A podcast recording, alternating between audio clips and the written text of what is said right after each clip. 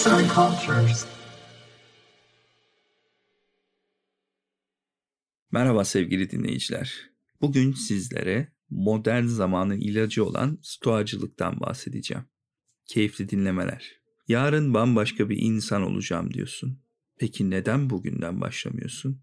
Epiktetos. Stoacılık, tarihten bugüne felsefeyi diğer felsefe dallarından farklı bir nosyonda incelemiştir. Stoacılık için felsefe ilginç bir zamanı geçirme eylemi ve hatta belirli bir bilginin vücut bulmuş hali değil, bir yaşam tarzıdır. Felsefeyi hayatın bir pratiği ve egzersizi olarak tanımlamışlardır. Kendi mantık sistemi ve doğal dünya hakkındaki görüşleriyle şekillendirilmiş bir kişisel etik felsefesidir. Öğretilerine göre sosyal varlık olarak insanlar için mutluluğa giden yol şunlarda bulunur. Hayatta sana verileni kabul etmek, zevk arzumuz veya acı korkumuz tarafından kontrol edilmemize izin vermemek, etrafımızdaki dünyayı anlamak için aklımızı kullanmak ve tabiatın planındaki kendimize düşen görevi yapmak ve beraber çalışıp başkalarına karşı dürüst ve adil olmak. Stoacılık, ezoterik bir akademik araştırma alanından çok kendine hakim olmayı, azmi ve bilgeliği bir araç olarak kullanıp harika bir hayatın kapısını açmayı hedefler. Tarihte bu araçları yani stoacılığı kullanan bir sürü dahi bulunmaktadır. Bunlardan birkaç örnek verecek olursak George Washington, Adam Smith, Immanuel Kant, Theodore Roosevelt, Mahatma Gandhi daha birçoğu arasında öne çıkan isimlerdir.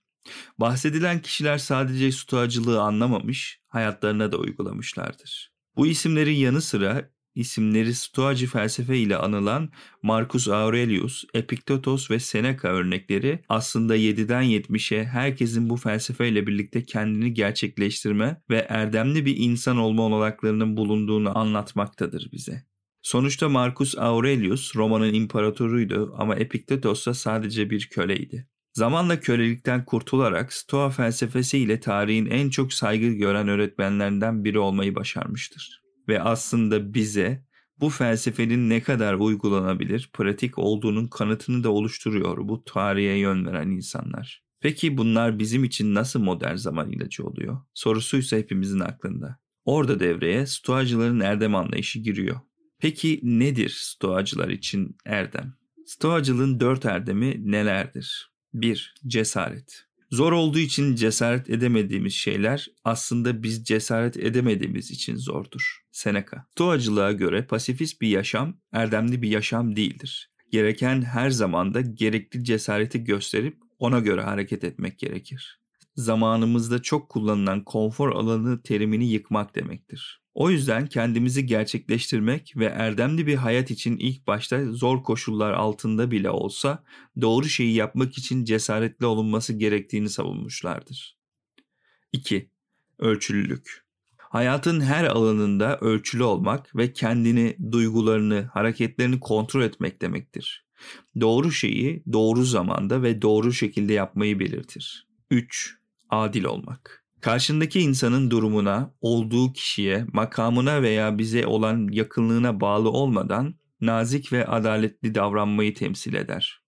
Marcus Aurelius'a göre tüm erdemlerin kaynağı adil olmaktır. 4. Pratik bilgelik. Tanrım, bana değiştiremeyeceğim şeyleri kabul etme gücü, değiştirebileceğim şeyleri değiştirme cesareti ve bu ikisi arasındaki farkı anlayabilme sağduyusu ver. Marla Morgan İyi veya kötü diye bir şey yoktur. Nasıl düşündüğünüz belirler. İyiyi veya kötüyü. William Shakespeare Pratik bilgeliği erdemlerden biri olarak sayan stoacılar, pratik bilgelik sayesinde diğer erdemlerin ne şekilde kullanılabileceğini ve hayattaki iyi ve kötü olguların belirlenebileceğini savunurlar. Bu bilgelik sayesinde kendinden başlayarak çevreye karşı da bir biliş düzeyi oluşturulabilir stoacılığın ne olduğu ile ilgili bilgiler verdik. Peki nasıl stoacı olabiliriz? Şimdi ona değineceğiz. Bu erdemlerin günlük hayata uygulanışıyla birlikte hayatınızda inanılmaz bir değişim olduğunu fark edeceksiniz. Hem çevreniz hem de kendiniz bu değişim, gelişim karşısında şok olacaksınız. Peki bu erdemleri nasıl günlük hayata monte edebiliriz? Bu konuda Massimo Pigliucci'nin How to be a Stoic adlı eserinde 12 adımda stoacılık felsefesini günlük hayata uygulama yollarını anlatmıştır. Şimdi size o 12 adım anlatarak nasıl kendinizi gerçekleştirebileceğinizi, nasıl erdemli bir insan olacağınızı ve durum ne olursa olsun nasıl sakin kalacağınızı dilimiz döndüğünce anlatmaya çalışacağız. Birinci adım. Tepkilerini incele. Hayat başınıza neler geldiği değil, sizin onlara nasıl tepki verdiğinizdir. Epiktetos. Hayatta olan olayları sürekli incelememiz gerekir. Başımıza gelen olaylarda sormamız gereken kritik bir soru vardır. Bu olay benim kontrolümde mi? Yoksa kontrolümde değil mi? Eğer sizin kontrolünüzdeyse eyleme geçip onun hakkında bir şey yapmalısınız. Eğer değilse de o zaman yapacak bir şey yok demektir. Ve oturup bu durum hakkında düşünmek veya üzülmekse hiçbir şeyi değiştirmez. Sadece sizin durumunuzu daha kötü algılamanıza neden olur. Mesela bir gün bir yere yetişmeniz gerekirken trafikte sıkışmış halde kaldığınızı düşünün. Trafikten kurtulmak için yapabileceğiniz bir şey var mı? Hayır yok. O zaman endişelenmeyi bırakın, müziğinizi açıp arkanıza yaslanın ve keyif almaya bakın. İkinci adım. Kendinize hayatınızdaki her şeyin geçici olduğunu hatırlatın. Eşinizi veya çocuğunuzu öperken kendinize hatırlatın. Ben bir ölümlüyü öpüyorum. Epiktetos. Gerçek şu ki değişim evrenin bir kuralı. Her şey sürekli değişim halinde. Sevdiğimiz nesneler veya insanlar bize bir uyarı bile verilmeden elimizden alınabilir. Bu egzersiz bize aslında sevdiğimiz insanların ne kadar değerli olduğunu ve aynı zamanda her an onlardan ayrılabileceğimizi hatırlatır. Hala yapabiliyorken değerlerini bilip sevdiklerimizi küçük bahaneler veya nedenlerle üzmeyip sevgimizi göstermemiz gerektiğini anlatıyor. Üçüncü adım. Olumsuzu düşünün. Bir şey yapacağınız zaman o işin en kötü nasıl olabileceğini düşünün. Epiktetos.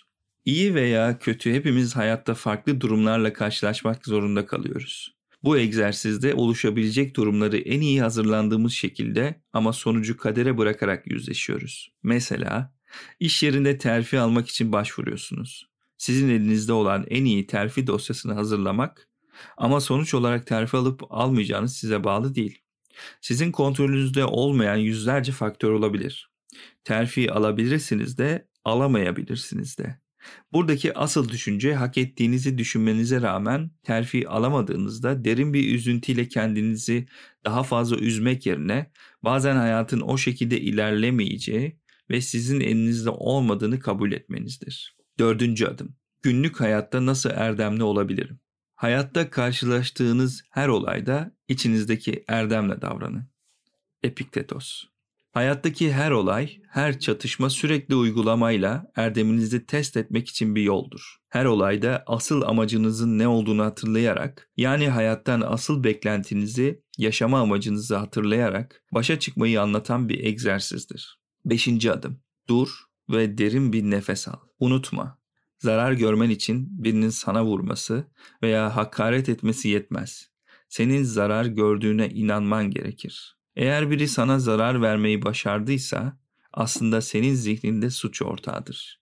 Epiktetos. Çok basit bir egzersiz tavsiye olmasına rağmen yapması gerçekten çok zordur. Bu egzersizin altında yatan fikir duygularımızı, tepkilerimizi rasyonel bir şekilde incelemekten geçer. Bize karşı yapılan olumsuz bir davranışta olumsuz davranışı büyütüp problem haline getirecek davranışlardan hemen ve içgüdüsel olarak uzaklaşmamız gerekiyor uzaklaşıp belki de bir yürüyüşe çıkıp sakinleşmemiz ve sonrasında olayı mantık ve sakinlik çerçevesinde ele almamız gerekiyor. Bu egzersizi gerçekten hayatınıza uyguladığınızda hayatınızda sorunları halletmek konusunda dramatik bir değişim göreceksiniz ve çevrenizdekilerin de olumlu tepkilerini toplayacaksınız. Altıncı adım başkalaştır. Başkalarının eşi veya çocuğu öldüğünde rutin olarak bu hayatın bir parçasıdır deriz. Ama bu bizim başımıza geldiğinde dünyanın sonu olur. Epiktetos. Başkalarının başına gelen olaylarda sakin bir şekilde bakıp olayı mantık çerçevesinde yorumlayabiliriz. Ama aynı olay bizim başımıza geldiğinde bir anda mantık ve doğru düşünmeyi bırakıp duygusal tepkiler verebiliriz. Başka birinin telefonu kırıldığında yenisi almasını söyleyebiliyorken kendi başımıza geldiğinde ruh halimiz birden inanılmaz bir şekilde bozulabilir. Özellikle de elimizde olmayan konularda. Mesela bir yakınımızı kaybettiğimizde bunun hayatın doğal bir parçası olduğunu kabullenmekte zorlanır ve içinde bulunduğumuz durumu iyice çıkılamayacak bir hallere sokabiliriz. Ki bu bizi depresyona kadar götürebilir. Bunun yerine doğanın bir yasası olduğunu, sonunda herkesin başına gireceğini düşünmeli ve kendimizi elimizde olmayan şeyler yüzünden harap etmemeliyiz. Yedinci adım. Az ve öz konuş. Bırak sessizlik senin yoldaşın olsun. Sadece gerekeni söyle ve bu konuda açık ol. Konuşman gereken nadir zamanlarda konuş. Ama asla günlük bayağı konularda konuşma. Mesela gladyatörler, atlar, spor, yiyecek ve içecekler hakkında. Ama her şeyden önce asla dedikodu yapma. Birilerini övme, suçlama ve karşılaştırma. Epiktetos. Epiktetos konuşmamamız gereken konuları söylemiş. Bu zamanlarda tabii ki gladyatör hakkında konuşamıyoruz ama biz sporcular, film yıldızları ve diğer başka ünlüler hakkında konuşuyoruz. Daha zor, daha ciddi konular üzerinde konuşmaktansa. Çünkü ciddi konuları konuşmanın sıkıcı olduğunu şartlandırılmışız ve bu konuların daha fazla bilgi gerektirdiğini düşünüyoruz. Epiktetos aynı zamanda insanlar hakkında dedikodu yapmaktan ve insanları yargılamaktan uzak durmamız gerektiği konusunda bizi uyarmıştır. Orada bulunmayan bir kişi hakkında dedikodu yapmak ve onları yargılamak erdemli bir hareket değildir. Başlarda bu egzersiz bize zor gelebilir ve konuşacak konular bulamayabiliriz. Fakat zamanla alışınca o aralar okuduğumuz bir kitap veya izlediğimiz bir film hakkında ortamlarda muhabbet açabiliriz ve bunun ortamın konuşmanın kalitesini nasıl arttırdığını gözlemleyebiliriz. 8. adım. Dostunu iyi seç. Filozof olmayanlarla arkadaş olmaktan kaçının. Eğer zorundaysanız da onların seviyesine düşmemek için dikkatli olun. Çünkü biliyorsunuz ki eğer dostunuzun eli kirliyse senin de ellerin kirlenir. Başlangıçta ne kadar temiz olsan da. Epiktetos. Epiktetos bize kiminle vakit geçireceğimize çok dikkat etmemiz gerektiğini öğütlüyor burada. Dost olarak seçtiğimiz kişilerin de erdemli bir hayat sürmek ve kendi karakterlerini geliştirmek istediklerine dikkat etmeliyiz. Kendimize şunu sormalıyız. Arkadaşlarım benim daha iyi olmamı sağlıyor mu? Bana destek oluyorlar mı? Hayallerimi gerçekleştirmeme yardımcılar mı? Sonuç olarak Jim Rohn'un da dediği gibi insan en çok vakit geçirdiği 5 kişinin ortalamasıdır. 9. adım. Hakaret edildiğine mizahla karşılık ver. Biri sizin hakkınızda kötü konuştuğunda kendinizi bu söylentiler karşısında savunmaya çalışmayın. Onun yerine evet sadece yarısını bilebildi. Daha fazlası bilmiyor deyin. Epiktetos. Biri bizim hakkımızda kötü konuştuğunda ve hakaret ettiğinde bunu çok kişisel olarak algılarız ve alınırız. Bu da bizim ruh halimizi kötü etkiler ve öz saygımızı düşürür. Birinin bizim hakkımızda böyle konuşması aslında bizim kontrolümüzde değildir. Ama buna nasıl tepki vereceğimiz kesinlikle bizim kontrolümüzdedir. Epiktetos bu aşağılamalara karşı kendimizi küçümseyen bir mizahla cevap vermemizi öneriyor. Mesela biri kilomuz hakkında dalga geçtiğinde bizimle alınıp kötü hissetmek yerine evet, evet sonunda dünyanın en şişman insanı olmaya bir adım kaldı diyerek sonunda gülmemizi öneriyor. Bu sayede karşımızdakini ve söylediklerini ciddiye almadığımızı göstererek hayal kırıklığına uğramasını sağlamış oluruz. Bu vereceğimiz cevap büyük ihtimalle kızıp vereceğimiz bir cevaptan çok daha etkili olacaktır. 10. adım. Kendin hakkında çok konuşma. Hepimiz kendi hakkımızda çok fazla konuştuğumuz için suçluyuz aslında. Sizce gündelik konuşmalarımızın ne kadarı kendimiz hakkındadır? Konuşmalarımızın %40'ında kendi hakkımızda konuşuyoruz. Araştırmalar kendi hakkımızda konuşurken mezolimbik dopamin sistemin çalıştığını ve dopamin salgıladığını gösteriyor. Bu bölgede beynimizin yemek yemekten, paradan ve cinsel ilişkiden keyif almamızı sağlayan kısmı. Gerçek şu ki kimse sizin en son tatilinizde ne yaptığınızı tüm ayrıntısıyla bilmek istemiyor. Kendi hakkında sürekli konuşan insanlardan kimse hoşlanmıyor. Bizim yapmamız gereken de burada konuşmalarımızı kendimizden uzak alanlara çekerek karşımızdaki insanı gerçekten dinlemek. Yani bu sırf cevap vermek için dinlemek değil ve konuşmasından keyif almaya bakmak. Ve göreceksiniz ki böyle yapınca çevrenizdeki insanlar sizinle konuşmaktan daha mutlu olacaklar. 11. adım. Bir insanın bir eylemi yapmaktaki nedenini bilmeden nasıl eylemlerinin kötü olduğunu söyleyebilirsin. Epiktetos. Bu egzersizin altında yatan ana tema eğer birini yargılayacaksak onun ve hayatı hakkında yeterli bilgimizin olması gerektiğidir.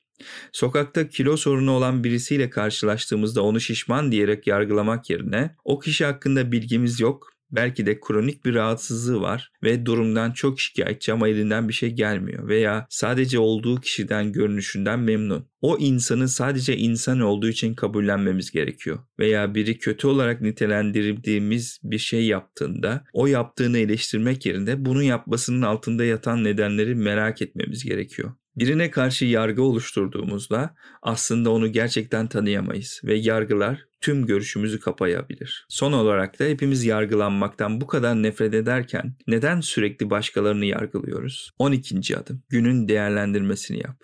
Stoacılık sadece düşünmek değil, daha çok harekete geçmektir.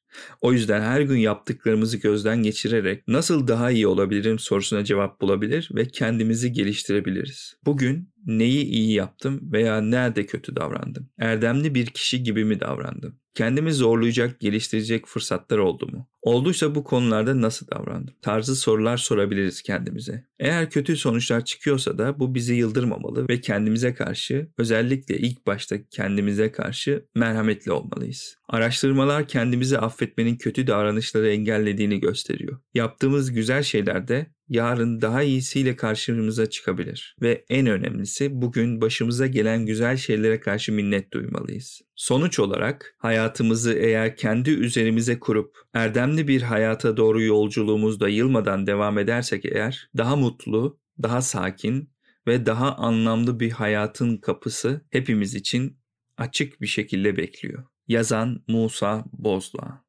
Seslendiren Rıdvan Tüzemen